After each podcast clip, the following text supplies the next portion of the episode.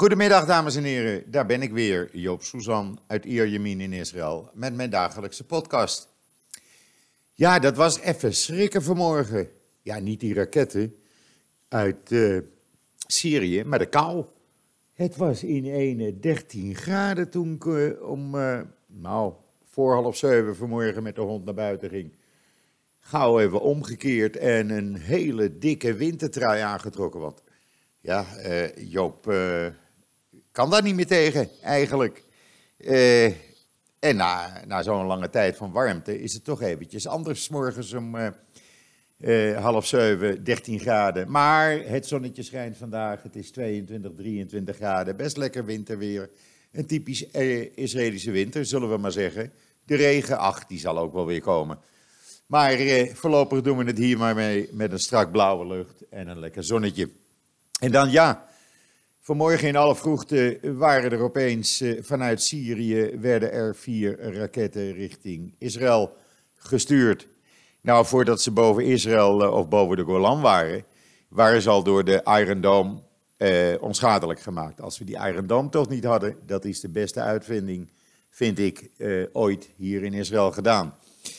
Eh, men nam die, het, het lanceren van die raketten waar. En men heeft dus gelijkertijd uh, de Iron Dome uh, geactiveerd. Op het, rond dezelfde tijd meldde het Syrische officiële persbureau Sana dat er explosies waren rond de luchthaven van Damascus. En daar zitten dan weer Iraanse troepen in verschillende basissen. Uh, het leven op de Golan is niet beperkt, alles gaat gewoon door. De dagelijkse routine kunnen de mensen aanhouden. Misschien heeft het te maken met het feit dat er gisteren uh, opeens plotseling door de IDF een tweedaagse verrassingsoefening werd gehouden in Noord-Israël om de paraatheid te testen. Daar nemen vliegtuigen aan mee en uh, allerlei voertuigen en tanks natuurlijk. En er werden reservisten van de Golanis en andere onderdelen van het leger plotseling opgeroepen. En dat doet men regelmatig, uh, bergverrassing, men kondigt dat niet aan mensen die reservist zijn in bepaalde eenheden krijgen dan plotseling een bericht van de IDF dat ze uh, zich naar een bepaald punt moeten vergeven om, uh, begeven om daar opgepikt te worden. Uh, ja, je moet je paraatheid blijven testen en dat blijkt maar weer. Het heeft natuurlijk alles te maken ook met het feit dat, zonder dat daar door Israël veel rugbereid aan wordt gegeven, men geeft daar geen commentaar over. Er regelmatig door Israël aanvallen worden gedaan op Iraanse basissen of transporten uh, in Syrië. Uh, Iran is druk bezig om een overlandroute te maken vanaf Iran via Irak naar Syrië en dan door naar Libanon om Hezbollah te bevoorraden. Uh, en daar hebben die Israëlische acties mee te maken.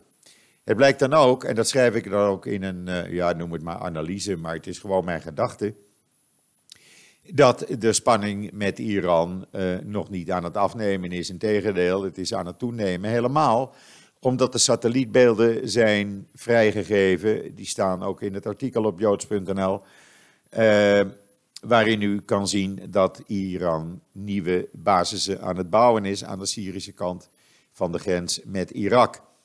En dat zal Israël uh, altijd proberen tegen te gaan. Het zijn acht nieuwe bouwprojecten uh, in een gebied waar al een groot aantal hangars uh, is. En die hangars worden gebruikt om vrachtwagens of grote apparatuur, denk aan raketten, te verbergen. het zal niet voor het eerst zijn dat Israël daar actie tegen zal ondernemen, of misschien al heeft gedaan. En het zal ook niet uh, uh, uh, ja, voor het laatst zijn, laat ik het zo maar zeggen, dat Israël daar actie tegen onderneemt. dat gebeurt bijna wekelijks, ik wil niet zeggen dagelijks, maar met een bepaalde regelmaat. Alleen Israël geeft daar geen rugbereid aan, ook al om Iran niet in het openbaar te beschuldigen en te laten zien van kijk eens hoe sterk wij zijn. Zolang je dat in het geheim doet, dan uh, ja, uh, houdt Iran zich nog wel rustig.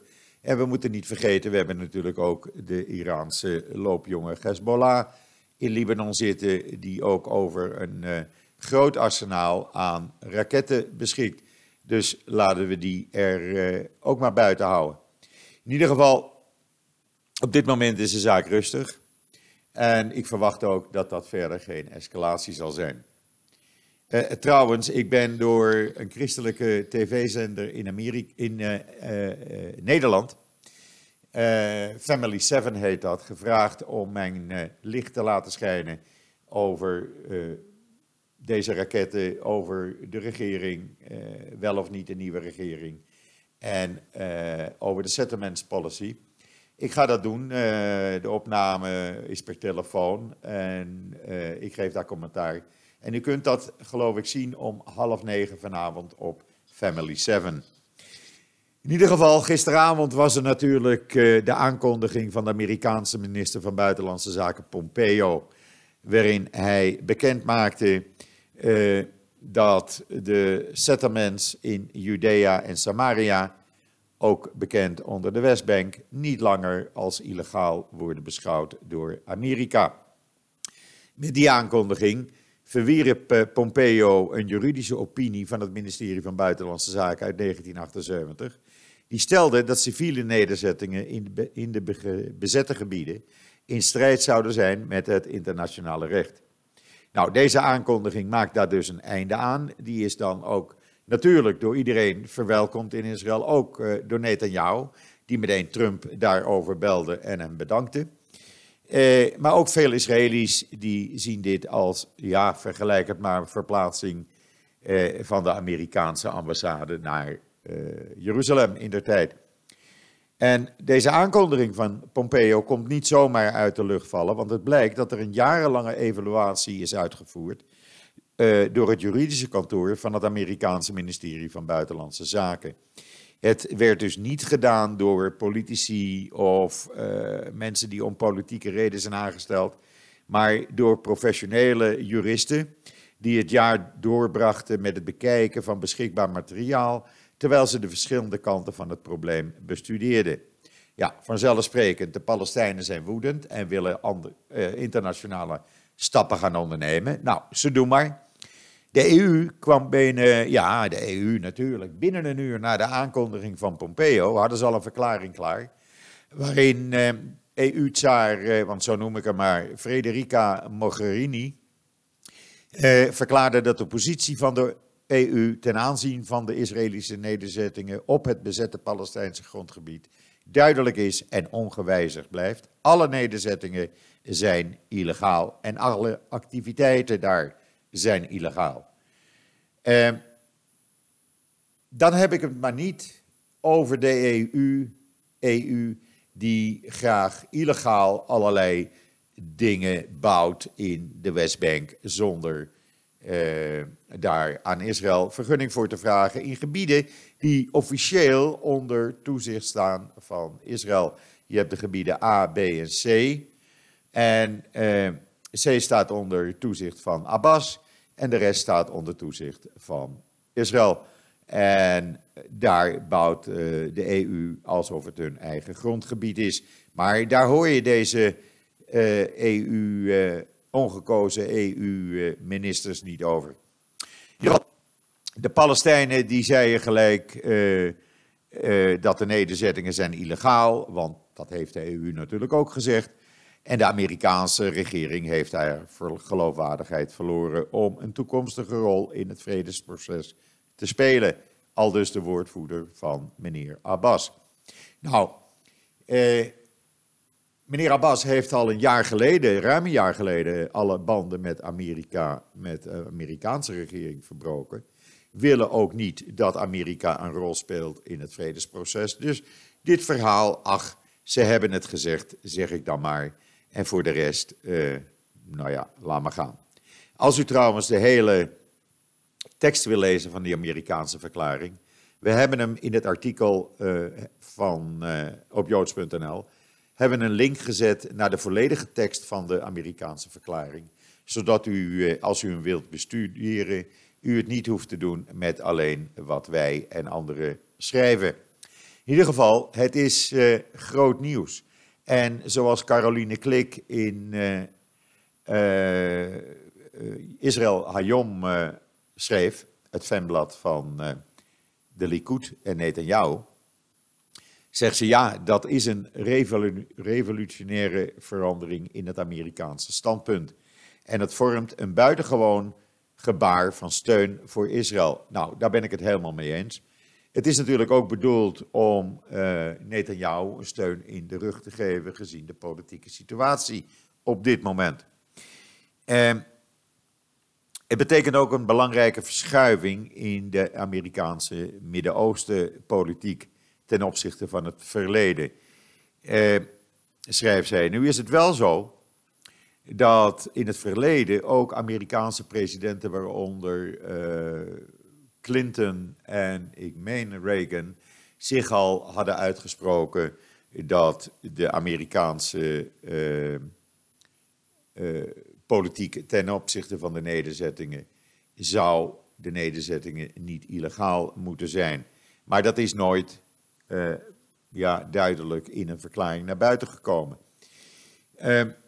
In 1995 trouwens had het Amerikaanse congres al erkend dat Jeruzalem de hoofdstad van Israël zou zijn. Dus dat is niet iets uit de koker van Trump. Trump heeft alleen maar uh, uitgevoerd wat in 1995 al door het Amerikaanse congres werd gezegd. Uh, ja, hoe nu verder, zult u vragen. Nou, ja, natuurlijk, uh, het zal weinig aan de situatie veranderen. Het zal alleen maar veranderen in dit, deze zin dat uh, ja, het uh, Amerikaanse beleid Israël niet meer op de vingers zal tikken als zij een nieuwe nederzetting gaan bouwen of als ze clusters van nederzettingen bij, bij elkaar gaan brengen. Ik denk wel dat het past in het vredesplan. Ik denk dat het vredesplan nog steeds uitgaat van een soort autonome Palestijnse staat waarbij uh, ze zelf uh, natuurlijk politiek mogen spelen. Maar dat het hele veiligheidsbeleid, de militaire, de bewaking van de grenzen door Israël zal worden gedaan. ik denk dat het die kant uitgaat, want een Palestijnse staat, ik zie het echt niet gebeuren als een zelfstandige staat. En vergeet niet, ik heb dat al vaker gezegd en iedereen vergeet dat voor het gemak.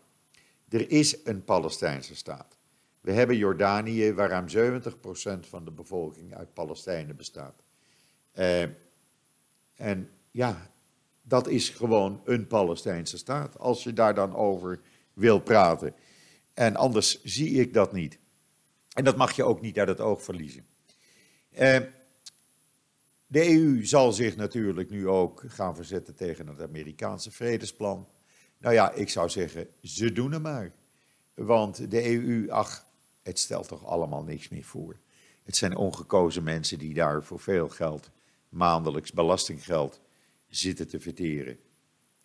En dan even wat politiek, want er is wat breaking news. Nou ben ik niet zo van het breaking news, dat weet u. Ik wil het graag uit allerlei bronnen hebben, maar het is toch wel belangrijk. Ten eerste was er de aankondiging, u kunt dat allemaal op JoodsNL lezen, dat vanmorgen er eh, voor de tweede keer binnen 48 uur een ontmoeting was tussen Netanyahu en uh, Lieberman. Uh, Lieberman is de kingmaker, dat weet u.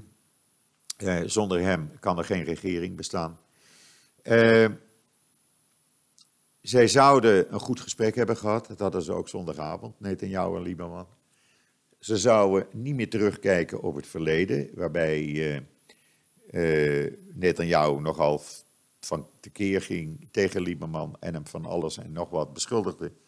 En vergeet niet, de hele regeringscrisis is natuurlijk verleden jaar november ontstaan. Toen Lieberman opeens zijn minister als defensieportefeuille teruggaf en uit de regering stapte, waardoor er geen meerderheid meer was. Uh, en nu net, as we speak, is er bekend geworden uh, dat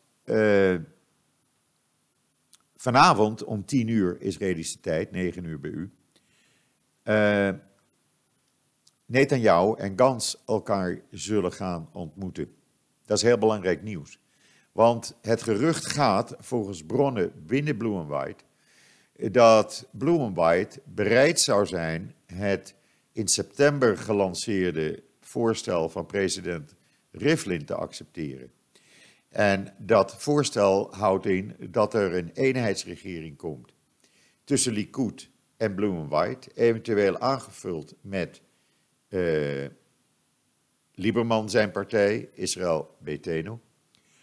Die hebben dan een royale meerderheid. Daar kunnen anderen zich bij voegen, indien men daarmee akkoord gaat. En daar zou dan ook het premierschap uh, gaan roleren. In die vorm dat Netanyahu de eerste twee jaar premier zou zijn. En Gans de volgende, daarop volgende twee jaar. Gans heeft dan ook de tijd om een beetje te leren. Want de man heeft geen politieke of diplomatieke ervaring. Hij heeft ervaring als legeropperbevelhebber van de IDF. In dat voorstel wordt ook gezegd dat uh, Netanyahu onbeperkt verlof zou opnemen zodra hij zou worden aangeklaagd voor corruptie, waarbij Gans dan het premierschap eerder zou overnemen. Nou, het feit dat ze elkaar dan vanavond om tien uur ontmoeten, dat is heel belangrijk, want het zou best eens kunnen kloppen dat we dan morgenochtend wakker worden met het nieuws van ze hebben overeenstemming. Dat zou dan net op tijd zijn, want het mandaat van Gans loopt af morgenavond om 8 uur. En dan zijn er twee mogelijkheden. Of we krijgen een derde ronde van verkiezingen die niemand wil. Of er wordt iemand uit de Knesset door de president benoemd. Om te proberen uh, partijen bij elkaar te brengen om een regering te vormen. Nou, ik hoop dat uh, Gans en Netanyahu uh, ja, bij zinnen komen. En denken aan het landsbelang. Er liggen genoeg problemen de veiligheidssituatie en alles en alles. Ik heb het al vaker uitgelegd en dan hoop ik echt van harte en met mij velen hier in Israël dat, uh, ja, dat we dan uh, morgenochtend wakker worden met het bericht van mensen, we zijn eruit.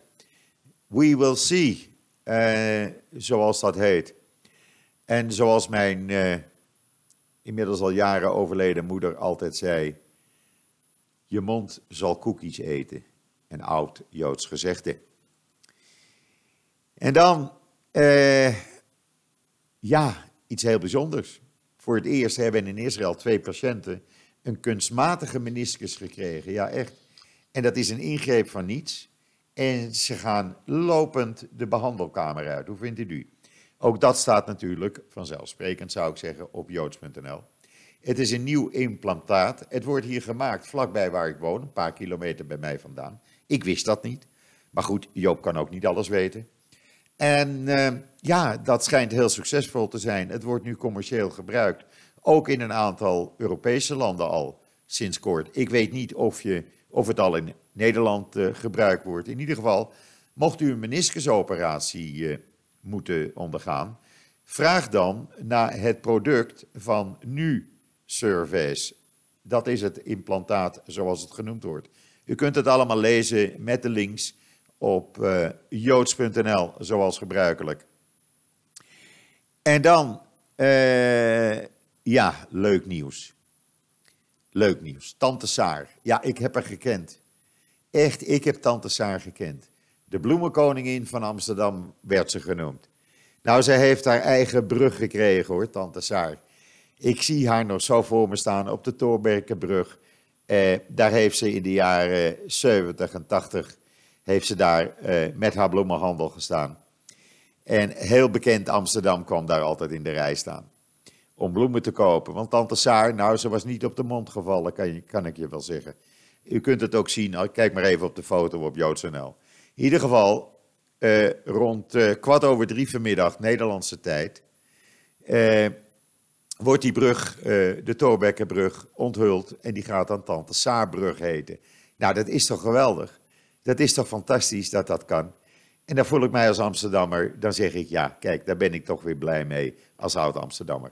Tante Saar, ook heel bijzonders, in, in 62 vierde zij haar 50-jarig jubileum. En wat deed Tom Manders? Eh, de ouderen onder ons, die weten wat wie Tom Manders is. Doris, hè? Die... Eh, nam haar mee naar de bloemenveiling in Alsmeer in zijn auto als Doris. En die ging daar eens even goed uit zijn dak met Tante Saar. Ja, heel Amsterdam was gek met Tante Saar. We liepen allemaal met haar weg. En uh, ja, een echte Joodse vrouw. Ze had uh, verschillende concentratiekampen overleefd. Ze heeft heel veel familieleden verloren. Uh, ook verschillende kinderen en kleinkinderen verloren door die oorlog. En het is leuk dat zoveel Amsterdammers na een oproep van de gemeente Amsterdam om een naam in te dienen voor verschillende bruggen. zoveel Amsterdammers zeiden: brug 31 over de Herengracht ter hoogte van het Torbekkerplein. Die moet Tante Saarbrug heten. En zo heet hij dan. Vanaf nu. Geweldig. Zodra ik in Amsterdam ben, ik ga er naartoe en ik ga een selfie maken van mezelf bij de Tante Saarbrug. En dan president Rivlin.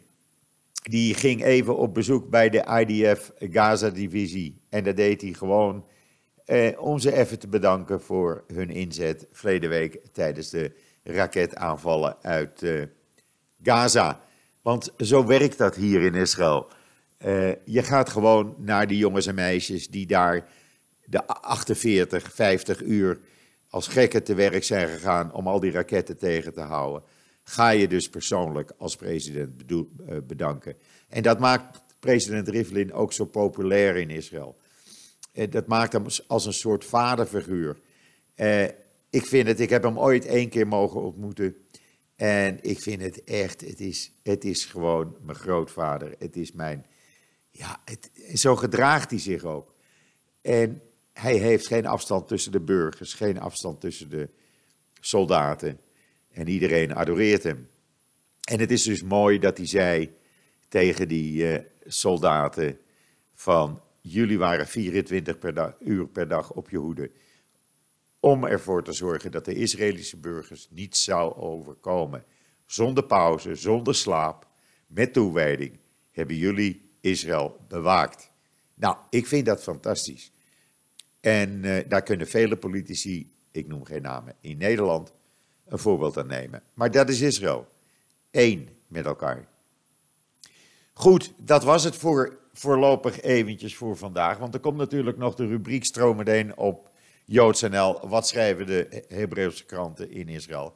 Nou, reken maar van yes dat die borden vol staan. Vergeet niet vanavond dan even op die familie, Family 7 zender te kijken, mocht u hem hebben. Uh, ik heb even nagekeken, het is toch wel een, uh, een bekende zender.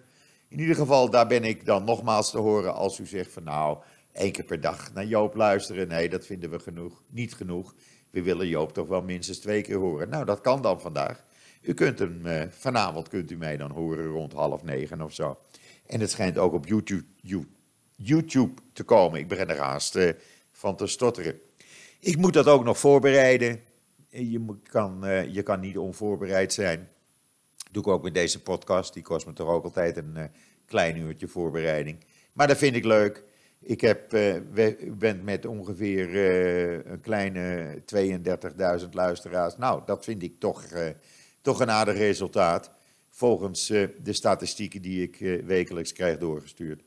En het leuke is dat u niet alleen in Nederland luistert, maar echt over de hele wereld. Vanuit de ver afgelegen landen, Thailand, Australië, Nieuw-Zeeland, Brazilië, Canada, Amerika. Ja, ook hier in Israël uh, wordt er uh, naar mij geluisterd. En dat vind ik leuk. Ik krijg daar veel reacties op en ik beantwoord ze altijd. Dus wilt u wat zeggen, doe dat gewoon. U kunt dat ook via de Podbean-app app doen. En dan komt het meteen bij mij terecht. En ja, dat, dat, dan weet ik tenminste tegen wie ik praat. En dat is leuk om te weten. In ieder geval rest mij u nog een hele fijne voortzetting van deze dinsdag de 19e november alweer toe te wensen. En wat mij betreft zeg ik, zoals altijd, tot ziens, tot morgen.